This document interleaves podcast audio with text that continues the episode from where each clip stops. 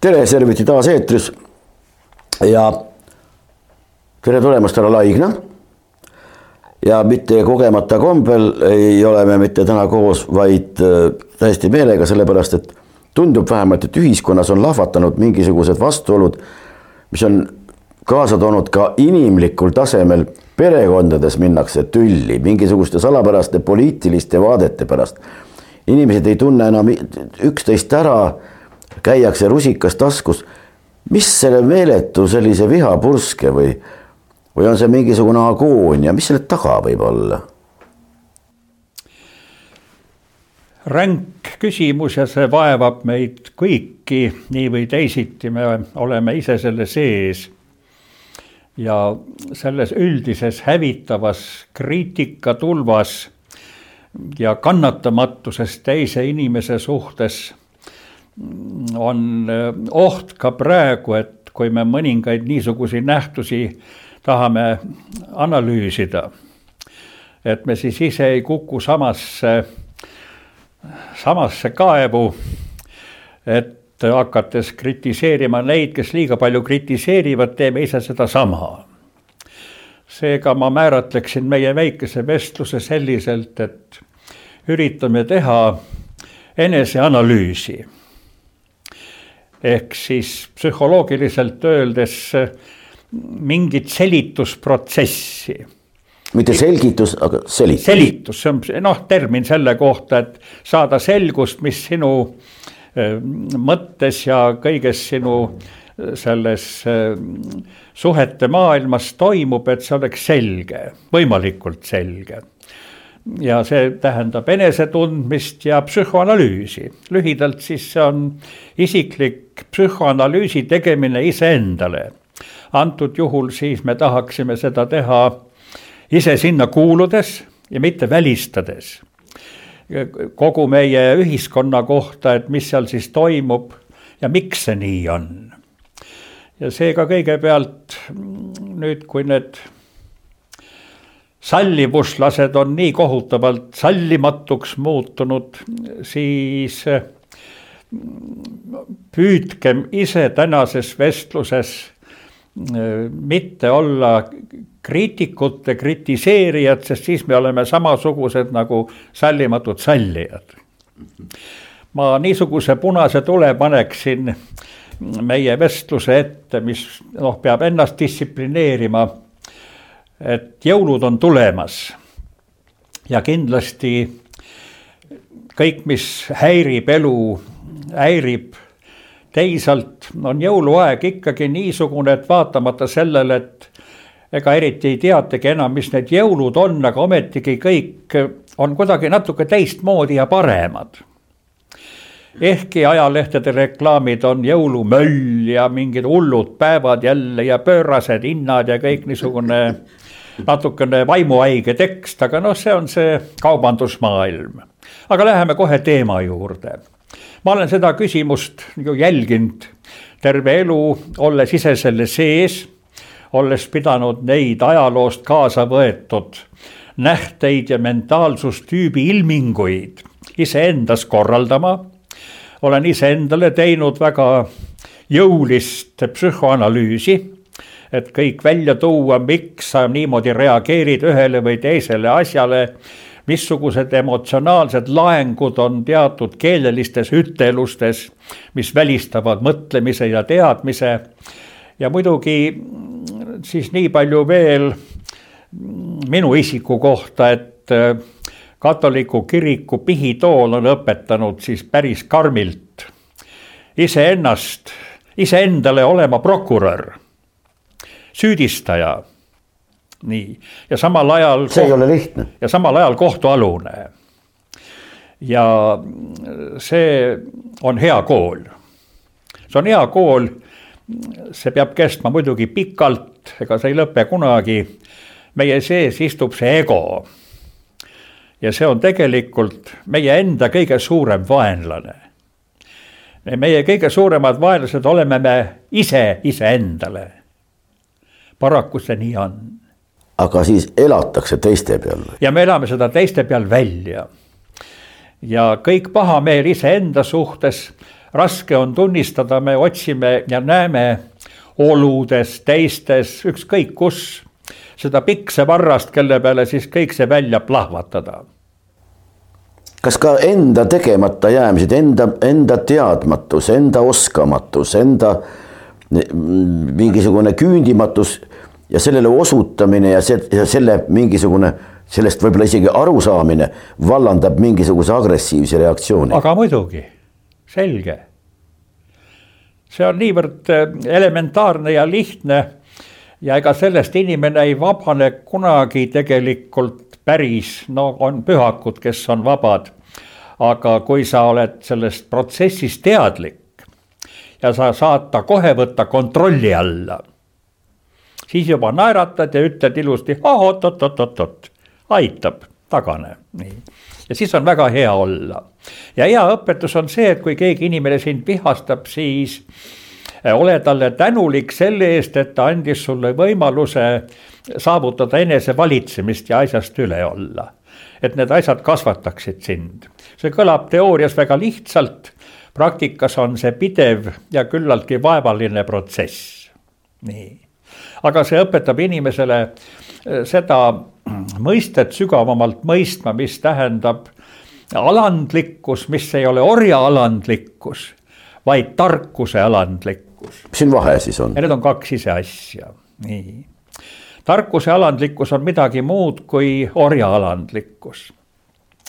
aga hea meelega nüüd natukene nii filosoofilist sissejuhatust tehes, mis on need põhjused, kui püüame analüüsida sellel üldisel närvilisusel, tigedusel, sellel kohutaval kurjusel, mis on avalikus elus olnud viimased kuud, see halvab kõiki inimesi, see mõjutab kõiki.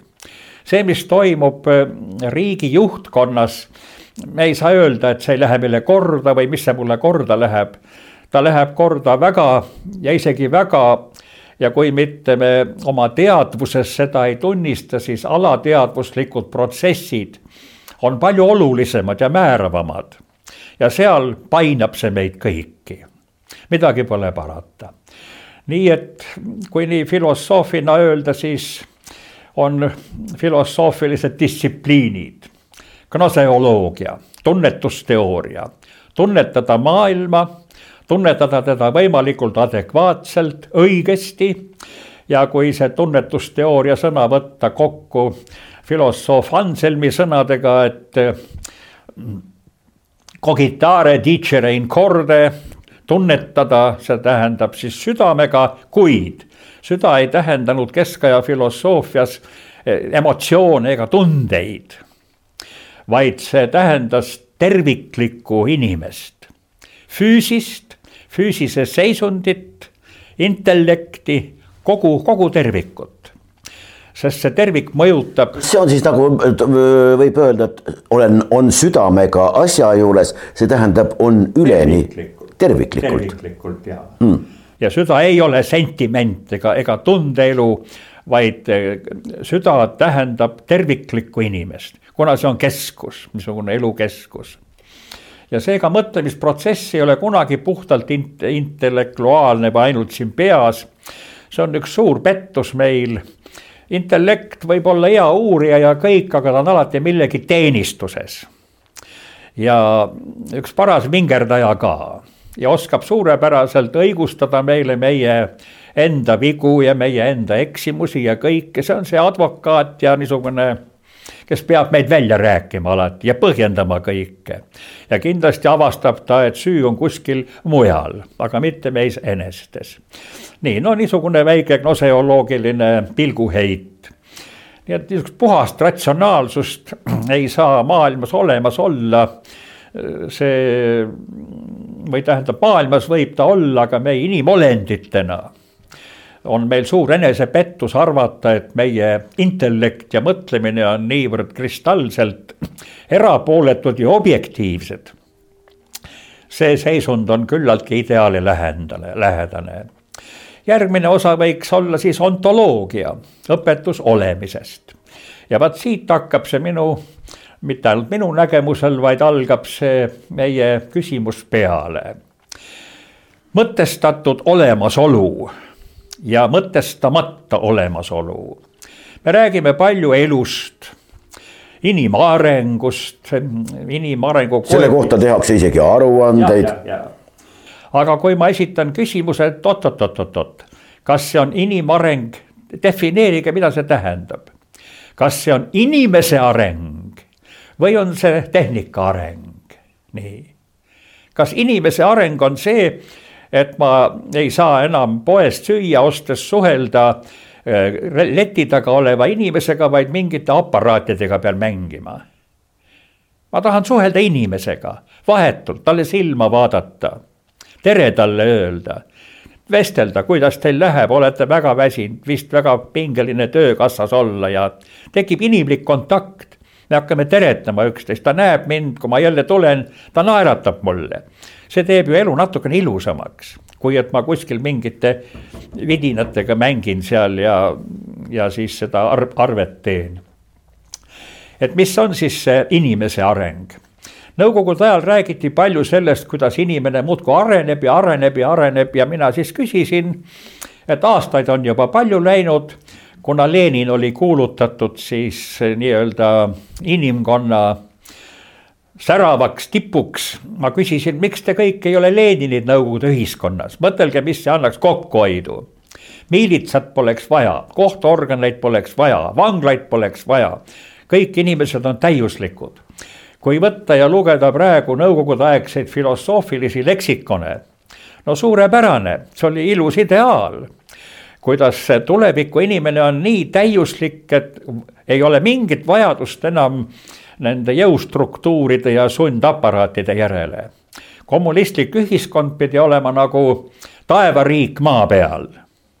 ja selleks, et see ideaalne riik siis kehtiks maa peal, tuleb siis muidugi halb mateeria kõrvaldada sest et Nõukogude ideoloogias teadvus oli mateeria omadus.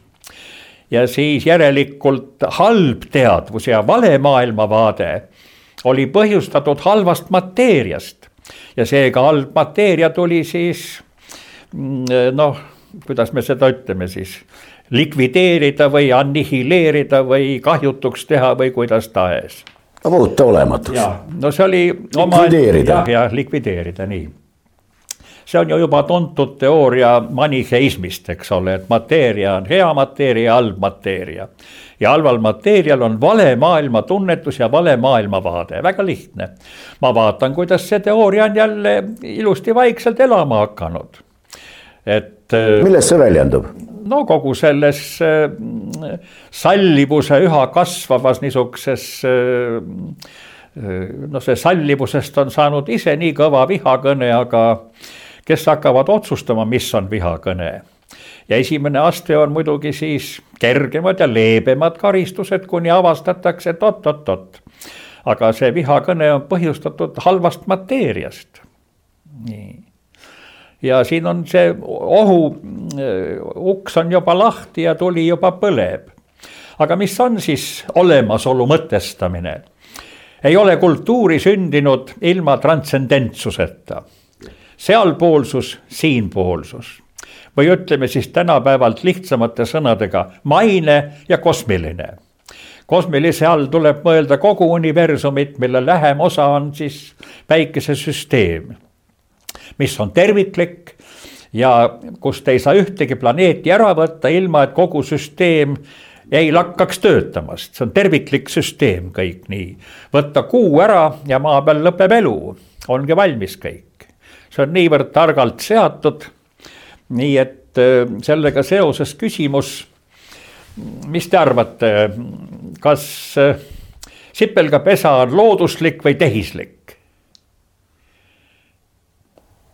see on, tähendab, ta on tehislik selles mõttes, et ta on sipelgate poolt rajatud, aga ülimalt looduslik sellepärast, et ta, ta ongi elus loodus. aga suurlinn, tehislik või looduslik? Ta on ikkagi pigem tehislik, pakuks. aga inimsipelgad on selle teinud ja inimene on bioloogiline olend ja elab looduses. sipelgas teeb omale okastest maja, me teeme omale no kõigest muust. mis on siis looduslik ja mis on tehislik? praegu kosmosetehnoloogias öeldakse, et kuu on tehislik. see tähendab, teda on kindla eesmärgiga tehtud, ta mõõdud ja kõik proportsioonid ja kaugused päikesest ja maast. Ja nüüd see laieneb, see teooria juba üha jõulisemalt, et see käib paljude teiste planeetide kohta ja lõpuks on välja öeldud, et kas mitte kogu päikesesüsteem ei ole selles mõttes tehislik.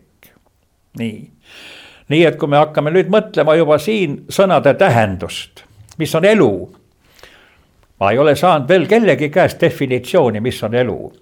Engels on ainsana andnud ammendava definitsiooni, valgkehade eksiteerimise viis valgkehade? valgkehade eksisteerimise viis ja, ja teadvus on mateeria omadus. nii, ja mateeria on see, kuhu sa lööd pea ära hea küll, nali naljaks, asi on tõsine. et inimesel kultuuris peab olema see igaviku ja lõpmatuse dimensioon, mis tema hinges on olemas. ja nüüd, kui tema kultuuriline mentaliteet ja teadvus annab talle sellise maailmavaate, mis äh, väljub maistest ja ajalisest raamist ja näeb elu hoopis teisiti. kui me näeme elu ainult selle viivuna, mis on hetk, nii see frist, äh, sünnist surmani, kõik Kairos. mis sellest tuleneb? kogu ellu suhtumine tuleneb sellest, eks ole. Lõbutseme täna, siis on homme kõik läbi, nii. aga kui sinu teadvuses elu on määratumalt pikem või koguni igavene, siis sa näed selle sees oma elu pisikese lõiguna. no siin ongi see Kroonos ja Kairos. nii, ja see lõik on ainult üks osa ja nüüd tuleme arenguõpetuse juurde mis sa selle ühe osaga teed, mis sulle on antud. Kas sa jõuad järgmisesse arengufaasi? nii. milleks siis on antud sulle see äh, nagu Dante ütleb, valledi lagrime pisarate orus.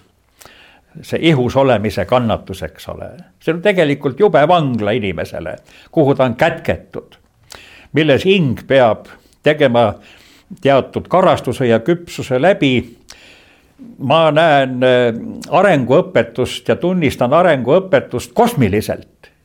nii, ja kui nüüd see labane arenguõpetus, mis lähtub sellest, et aeg ise muudkui aga arendab inimest, aga me näeme, et tuhandete ja tuhandete ja tuhandete aastate jooksul milles see areng siis väljendub? inimloomus ju kui selline muutunud Sama, ei ole. muutumatu jaa nii et mis on elu? ja kui sa esitad küsimuse, defineerige, mis on elu, siis peaaegu, et jutt lõpeb või noh, et kas te ise ei tea, mis elu on, et nii rumal ja. küsimus, eks ole, no. ma ei tea jah, mis elu on. ma tean ainult, ma kogen teda, et mulle on antud, mille läbi ma võin maailma tunnetada iseennast ja otsida seda elu mõtet. aga mina ei ole elu mõtte määraja. sellepärast, et kuna ma ei ole iseennast teinud siis ma ei saa ka oma elule mõtet anda. ja siin tulebki see vana sumerite kaks mõistet välja. paratamatus, paratamatus on see, mida inimene muuta ei saa. isegi Eesti Riigikogu ei saa muuta planeetide orbiite. jah, ka kõige parema tahtmise juures.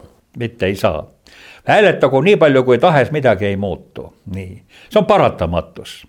saatus, me tihti segame selle paratamatusega ära saatus on inimesel muudetav ja määratav enda poolt.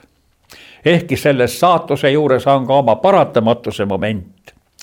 sest kui inimene on isiksus, siis ta on vaba valima, aga see, kes on vaba, peab valima ja valikute eest tuleb, nüüd tuleb kõige kohutavam sõna, vastutama. vaat seda me ei taha. me tahame, et meie valime, nagu meil meeldib aga vastutab keegi teine aga see on jõudnud argi mõtlemisse. ma, ma tulen korraks nüüd meie igapäevaelu juurde tagasi. kõik, keegi võtab mingisuguse salapärase vastutuse ja, ja nii edasi ja nii edasi. ja, ja asi veel hullem, näiteks äh, baltisakslased on siin puhul äh, ära märkinud ühe niisuguse äh, spetsiifilise siinsele rahvale väga spetsiifilise iseloomuomaduse kui nii võib öelda.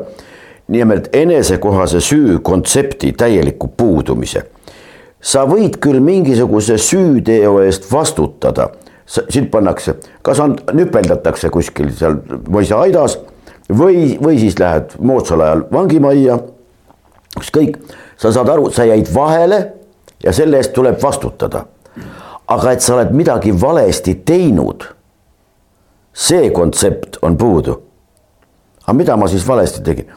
ma sõidan oma reas siin lihtsalt takistan kedagi, aga mida te siin taga tuututate, sellepärast et üheksakümmend kilomeetrit on lubatud. ma ei lase kedagi mööda, sõltumata sellest, kas kellelgi vaja on midagi, ma ju ei riku midagi, järelikult ma pole mitte milleski süüdi, sa segad teisi. sul on, sul on see süü, et sa teed midagi valesti, ebasobilikul viisil, see kohale ei jõua. jah, administratiivne karistus, see on arusaadav, kõik muu käib paraku üle jõu. nii et elu kosmiline mõtestatus on väga oluline ja see on iga kultuuri lahutamatu osa ja kui seda enam ei ole, siis ei ole ka tegelikult inimese teadvuses sellel elul erilist mõtet. tal puudub oma alateadvuses see kindel veendumus, et elu on midagi imelist, tal on kosmiliselt mingi suurem ja kõrgem mõte ja ma vastutan selle eest. kui me vabaneksime sellisest üldistavast mõtlemisest, mida me nimetame demokraatlikuks, me käsitleme kõike eh, üldistavalt, terve rahvas või, või terve selles ulatuses. aga tuleb mõtelda seisuslikult. ja on väga ilus sõna seisuslikust ühiskonnast, seisus kohustab Noblesse oblige. nii, ja meie võiksime sellest loe, sellest eh, lausungist teha endale äh, niisuguse üteluse, et inimeseks olemine kohustab. sest me oleme inimese seisuses kõik. kui me laiendame kitsa aadelkonna mõiste meie kõikide peale ja võib-olla siis see peakski olema siis seisuslik mõtlemine demokraatlikult. miks ei ole tõusnud kõik rahvas aadli tasemele? miks arvati, et kui aadel ära hävitada, siis on korras kõik? Võrdlusmoment kaob ära. tähendab, on raske tõsta kõiki kõrgemale, aga lihtne on kõiki alla viia, eks ole, siis on mugav ja lihtne elada. nii et mina pooldan sellist äh, demokraatlikku mõtlemist, mis on seisuslik demokraatlik ja et inimeseks olemine on ise kohustus, mis kohustab. Ja selleks ongi siis ka filosoofias olemas järgmised distsipliinid. Filosoofilised on eetika, on esteetika, mis on omavahel lahutamatult seotud. vaadates esteetilisi vorme, ma võin kindlalt alati määrata eksimatult selle inimeste eetilise palge. Või äh, kogu kultuuris arhitektuuri mood või mis tahes mood, selles väljendub ühtlasi tema selles esteetikas eetika ja seal, kus on eetilised normid väga kõrged, luuakse kõige kaunemaid esteetilisi kujutava kunsti, no arhitektuur, maalikunst, mis tahes. see on, see on selge kunstiajaloos näha ja kui me tänapäeval siin Eestis oleme kunstipähe pakume välja kõike seda, mille tipuks oli Tartus see, see, mida kõik teavad, mis see oli, eks ja. ole, jah, ja no mida me tahame siis kas saab veel madalamale minna? sõber filosoof, keda me mõlemad tunne, tunnevad, ütles, et ilmselt saab veel madalamale minna, veel, nii. aga läheme rohkem selle teema juurde nii, et ligida parematele asjadele. väike analüüs siis meie eestlaste hetkeseisust. kust me tuleme? me tuleme ajaloost ja selle ajaloo käigus on niisugused protsessid, mille käigus kujuneb välja üks rahvus, tema identiteet, kogu tema mentaalsustüüp ja täiskasvanuks saamine rahvusliku eneseteadvuseni. see on olnud pikk protsess nagu kõikidel rahvastel, see ei tule päevapealt. viimased kaheksasada aastat olgu kohe ka ära mainitud, et sellel kaheksasajal aastal on nüüd siis praegusel hetkel Eestis viieteistkümnes võõrvõim see on üks määraja Eesti teadvuses. meie rahvas ei ole saanud olla iseseisev rahvas ega rahvana iseenda peremees. ei maksa varakeskaega või katoliku aega, see on siis orduaeg, kolmsada esimest aastat. näha liiga mustalt, sel ajal päris orjust ei olnud, oli vasallsõltuvus. Need halvemad asjad tulevad hiljem. Aga eestlase lõplikuks kujundajaks sai paraku reformatsiooni nime all tehtud usupuhastus. Luter. või ajaloolasena ja filosoofina võin ma päris ilma liialdamata öelda, see ei olnud reformatsioon, see oli revolutsioon. see oli hävitamine. ja selle hävitamise, see oli üks protsess Euroopa kultuuri langusetappides. Järgmine eriline löök oli Prantsuse revolutsioon, siis järgmine kahekümnenda sajandi alguse sündmused ja nüüd tahetakse protsessi lõpule viia, need on kõik planeeritud järgnevad astmed. ja kui Eesti rahvas sai hariduse juurde, siis ju imekiiresti selgus Eesti rahva intellektuaalne potentsiaal, imekiiresti, eks ole.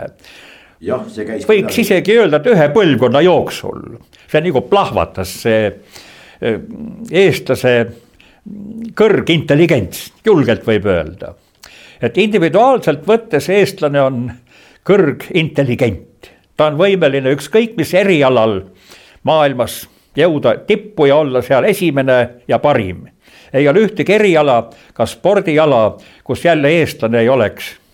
Võimeline. jah ja, ja, pole küsimustki üldse ja selle kiidukõne heaks tõestuseks on veel see, et kui üheksateist sajandi lõpul, kahekümnenda alguses tsaaririik Peterburis oli mis? ohvitseride kool ja oli veel kõrgem asi. oli äh, mereväe, keiserlik mereväe akadeemia. Venemaalt võeti sinna ainult aadlisoost mehi, välja arvatud keda? Eesti taludest tulnud poisse. nii, olge te lahked. tähendab, intellektuaalne ja kultuuritase olid nii kõrged nii et miks, mis tegi Eesti rahvast iseseisva eneseteadliku kultuurrahva, saksa kultuur, Vene tsaaririik ja see teadvus, mis asi on impeerium. ja selle mõistmine, mis on seda seistes Peterburis senati väljakul on seda hea tajuda, seda, seda, seda tsaaririigi keiserlikkust ja Peterburi eestlaskond oli ju see, kes saksa kultuuriga inimesed läksid sinna ja omandasid seal riikliku mõtlemise. nii, see on hiilgav lehekülg meie ajaloos, mis Vabadussõjas. ja need mehed panid Eesti ja. riigile realiseerisid riigi sobi, sobival hetkel vastu vaidlematu kangelastegu, küpsuseksam on tehtud. aga kui muutuvad olukorrad on jälle ja tuleb jälle võõrvõim, siis lööb välja see vana ajalooline pärand ja nüüd see ajalooline pärand koosneb siis äh, niisugusest elementidest nagu kindlasti hilisem mõisaaeg. see on kaheksateist sajand pärast Roseni deklaratsiooni tuhat seitsesada viiekümnenda paiku, kus äh, rüütelkond esitas Peterburi äh, sellele no riigivõimule, tsaarivõimule Eestis kehtiva korra ja Vene võim säilitas Eesti ja Liivimaal siin kehtinud korra. ja muidugi oli õnne, õnnestus. ostse erikord, jah. õnnestus halvemal tiival rüütelkonnast, parun Rooseniga eesotsas, läbi suruda ka soovunelmaid, mis andis võimaluse tõesti siis pärisorjuse seda kruvi keerata. aga sellel oli ka oma positiivne külg sest kui keeratakse kruvi, siis kutsub see esile mille? vastureaktsiooni, nii. ja siis järgmisena tuleb juba kaheksateist, üheksateist sajandi alguses see talurahva seadused, nii vennaste koguduse liikumine äratas inimestes eneseväärikuse teadvuse, et me oleme jumala ees kõik võrdsed. ole sa siis mõisnik või oled sa talumees, mõlemad on jumala ees võrdsed sealt tulenes juba see väärikuse tunne. ja siis kooliharidusega ja kui talud kätte saadi, tekkis kiiresti peremees ja peremehe mõtlemine. ka vist ühe põlvkonnaga kohe plaksti oli see valmis. Sa saad peremeheks ja sa oled sunnitud peremehena mõtlema, see on midagi hoopis muud ja ajaloost võtsime siis kaasa selle halvas mõttes selle mõisaorjuse tõttu tingitud ka teatud sõnade emotsionaalne tähendus. kui me no. ütleme mingi sõna, me vajutame nuppu ja inimese psüühikas kohe see lülitab midagi sisse. seda on nii lihtne näha, missugused on mõistete emotsionaalsed, mentaalsed mõjud seetõttu ma väldin paljusid sõnu ja räägin sellest teiste sõnadega niimoodi, et mitte kutsuda esile kohe ootamatult niisugust reaktsiooni, mis on emotsioone täis. rohkem edasi rääkida ei saa. et see on üks tegur, aga miks nüüd see tigeduse moment on, ma arvan, et ma ei tahaks seda sõna öelda, ma arvan, arvamine on arvamine. võib julgelt öelda, me teame. nii, ja ma ütlen, me teame et see ei ole niisugune isiklik eh, saavutus mingi. mis väga sügavalt vajutati inimeste teadvusesse tuhat viissada kakskümmend viis. seni on olnud kõik valesti, leiti süüdlane, eks ole. Need puudused, mis Rooma kirikul kindlasti olid, Rooma kirikus oli ammu see jutt, et on vaja, on vaja reform, seda suurt kirikukogu, aga ikka ei saanud ega saanud seda tehtud. ja oodati sellega kahjuks nii kaua, kuni Saksamaal plahvatas. ta plahvatab tavaliselt ühe võimsa isiku läbi. Martin Luther. kelleks oli Luther, võimas, koleeriline inimtüüp ja koleerikud on võimelised hirmsalt vihkama ja saavutama lühikese ajaga ääretult palju Nad on äärmiselt energilised, jõulised ja tulemusrikkad. anna ainult koleeriku kätte midagi, see veab su veoauto kaporist välja. erinevalt melanoolingust või sangviinikust või, või veel ja.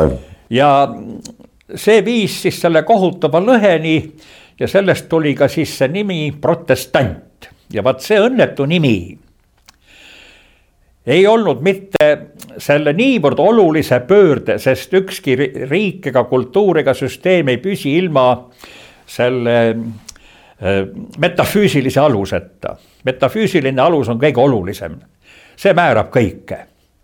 näiteks Afganistanis on väga vägev metafüüsiline alus, aga puudub riigi füüsika ja keemia, see tähendab valitsus, autoriteetne valitsus ja riigi majandus ja mitte keegi neist jagu ei saa, sest metafüüsika on kõige alus, nii.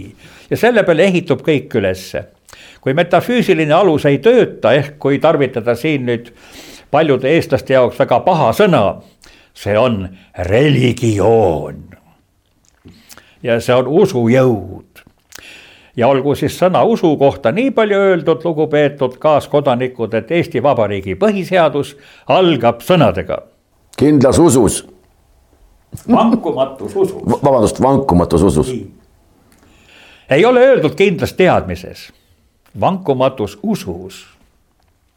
ja kui enam ei usuta, siis laguneb kõik. kas Nõukogude Liit kukkus kokku majanduslikel põhjustel? ei no,. Vene inimene on selleks liiga vintske ta kukkus sellepärast kokku, et keegi ei uskunud enam kommunistlikku ideoloogiat. see oli asendunud korruptsiooni ja kuidas siis öelda, erakonnapoliitikaga. nii, selles oli asi.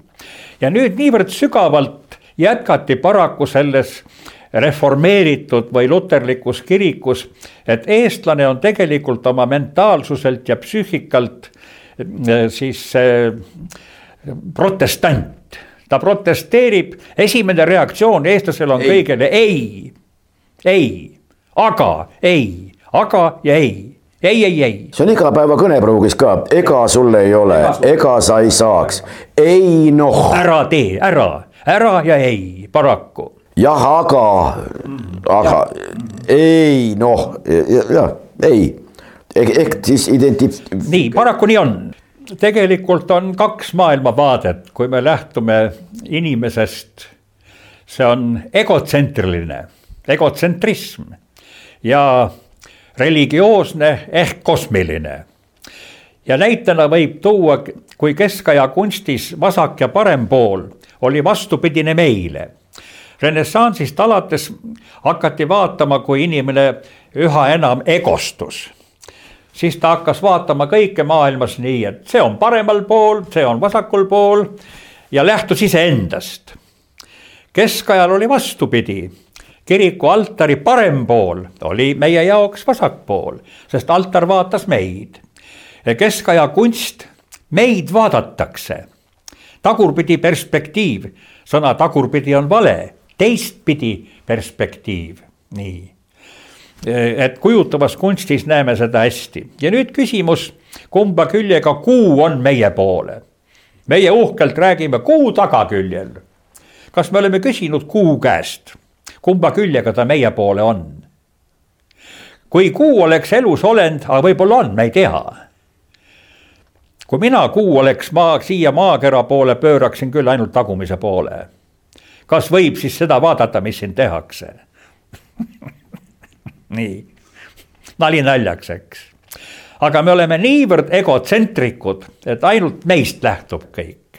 aga see, kas see võib siis kokku võtta või selle võib kokku võtta siis niimoodi, noh, tähendab taandades äh, mingisugusele inimgrupile.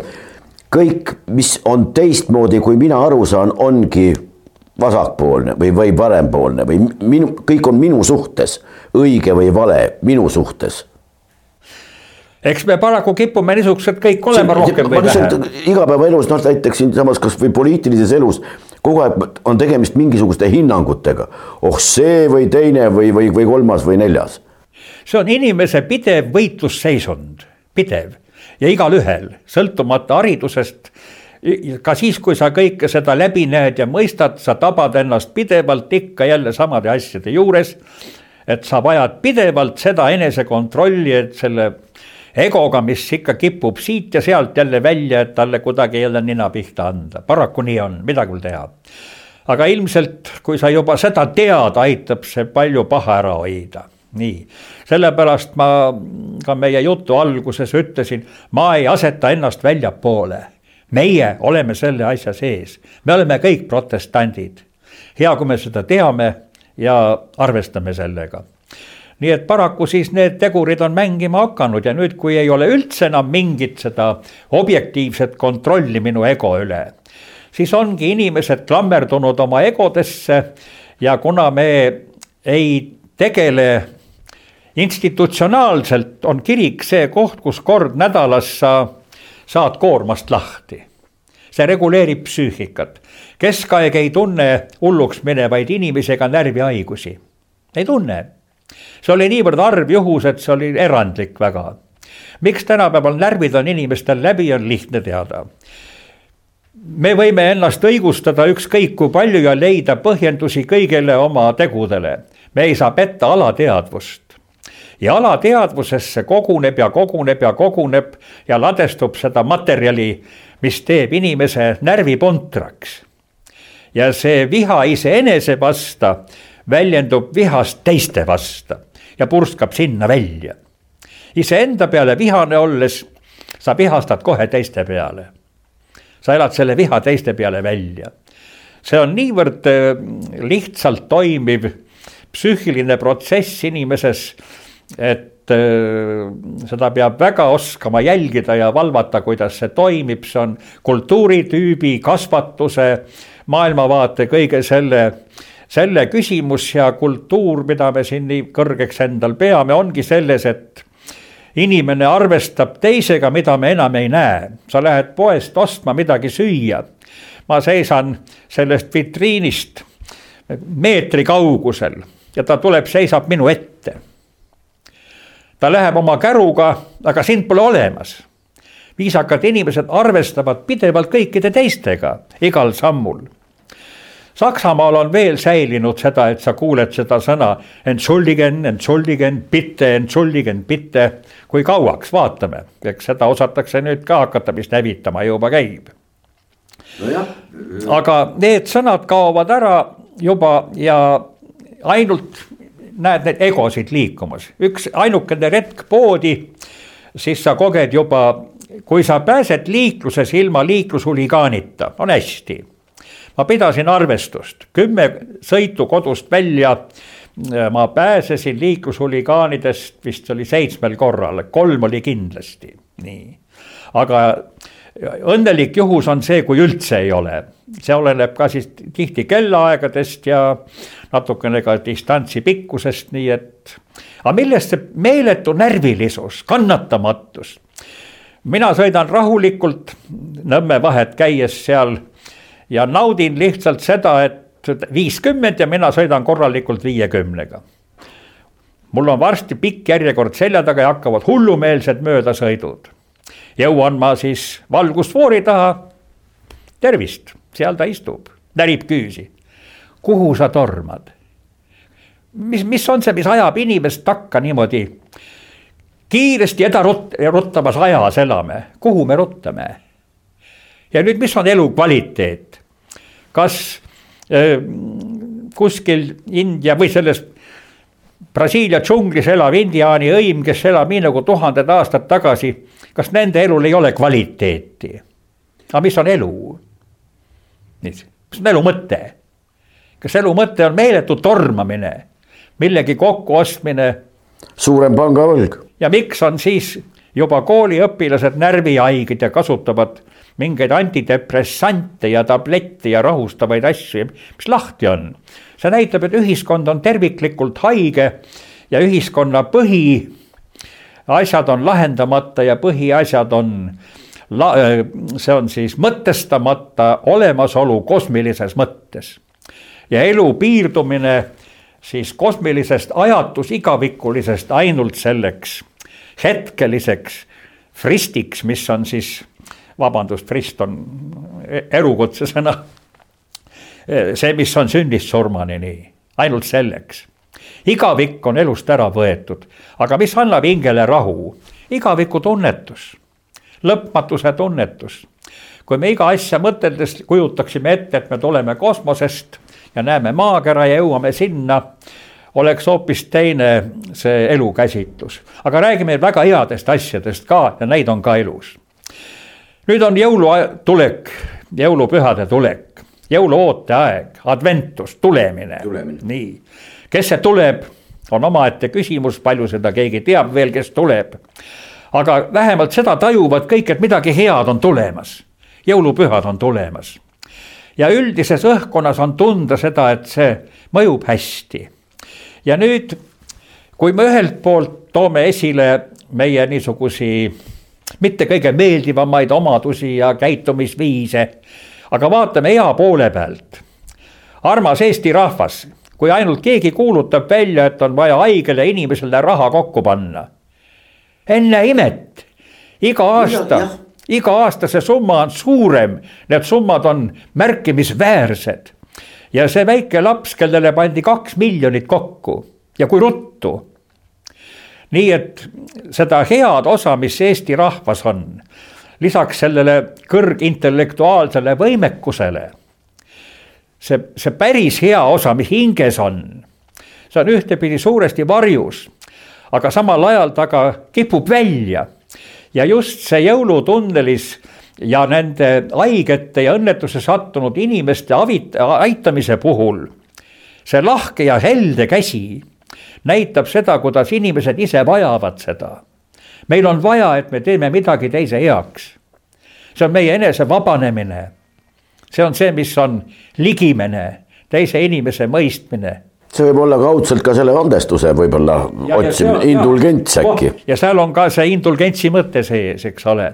see lunastamata süütunnet, et sa teed paremaks, et sa ohverdad ja, ja annad ja teed. ja mõne mingisuguse arusaama kohaselt mulle väga meeldis inimene saigi üldse inimeseks siis, kui ta õppis ohverdama.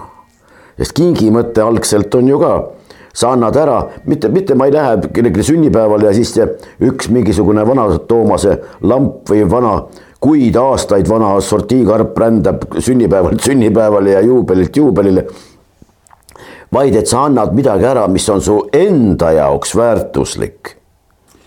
ja teed. väga kogetud asi hoiad midagi oled õnnelik, et sul see asi on. oled üliõnnelik ja ikka vaatad ja silitad, noh, et minul on see. Ja ühel päeval kuidagi saab mingi mõõt täis ja et see päris hea asi on saamata. ja siis on niisugune hea enesepetuteooria, millega sa nagu avad selle, et aga ma võin ju oma asja hoida mujal. nii. ja asi, mis sa oled hoidnud ainult enda jaoks, äkki sa saad aru, et ära andes ja kinkides, alles ta omandab oma tõelise väärtuse ja alles nüüd saab ta kõrgemas mõttes õigesti sinu omaks.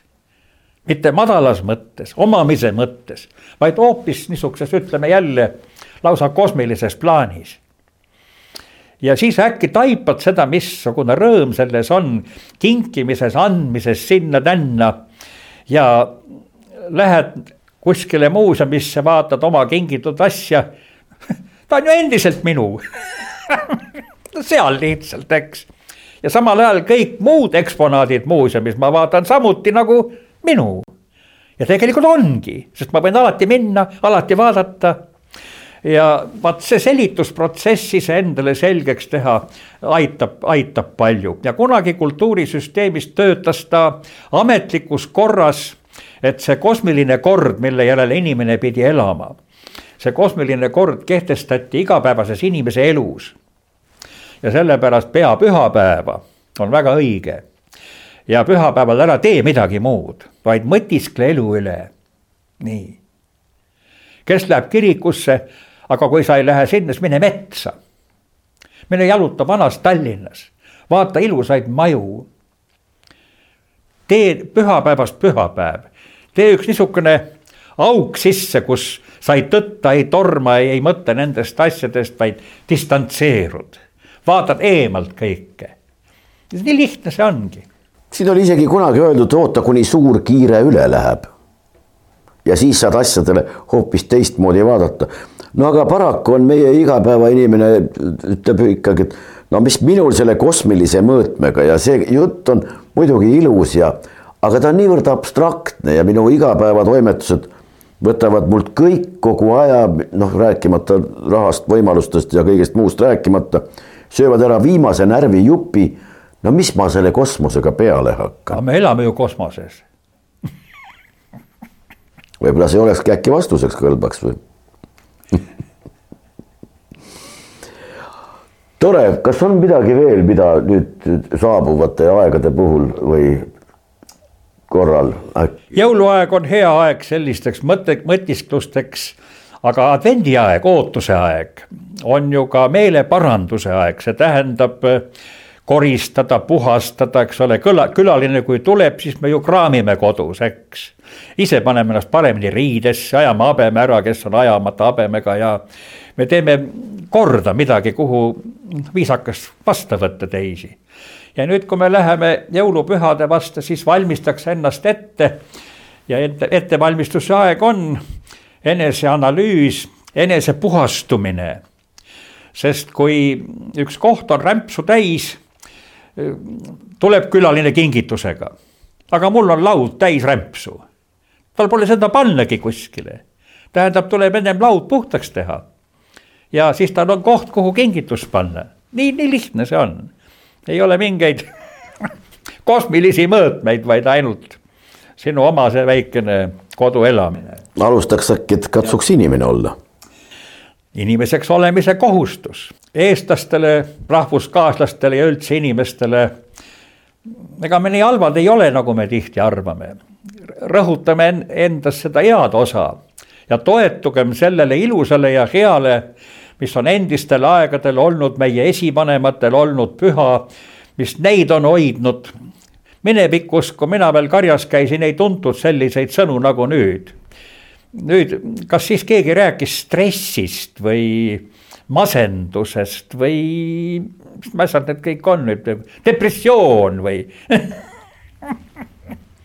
ei olnud neid asju, eks. mulle meeldis ühe vene õigeusu vaimuliku seminari õppejõu kirjeldus. õigemini mina käisin uurimas natukene ja targemaks saamas. ja mul jäi, jäi meelde üks selline käsitlus selle kohta, kuidas rääkis ta mulle, ime lihtsalt tegi selgeks, et inimene tegelikult ei ole ju midagi muud kui jumala kõige kõrgem looming, kõige kõrgem tase.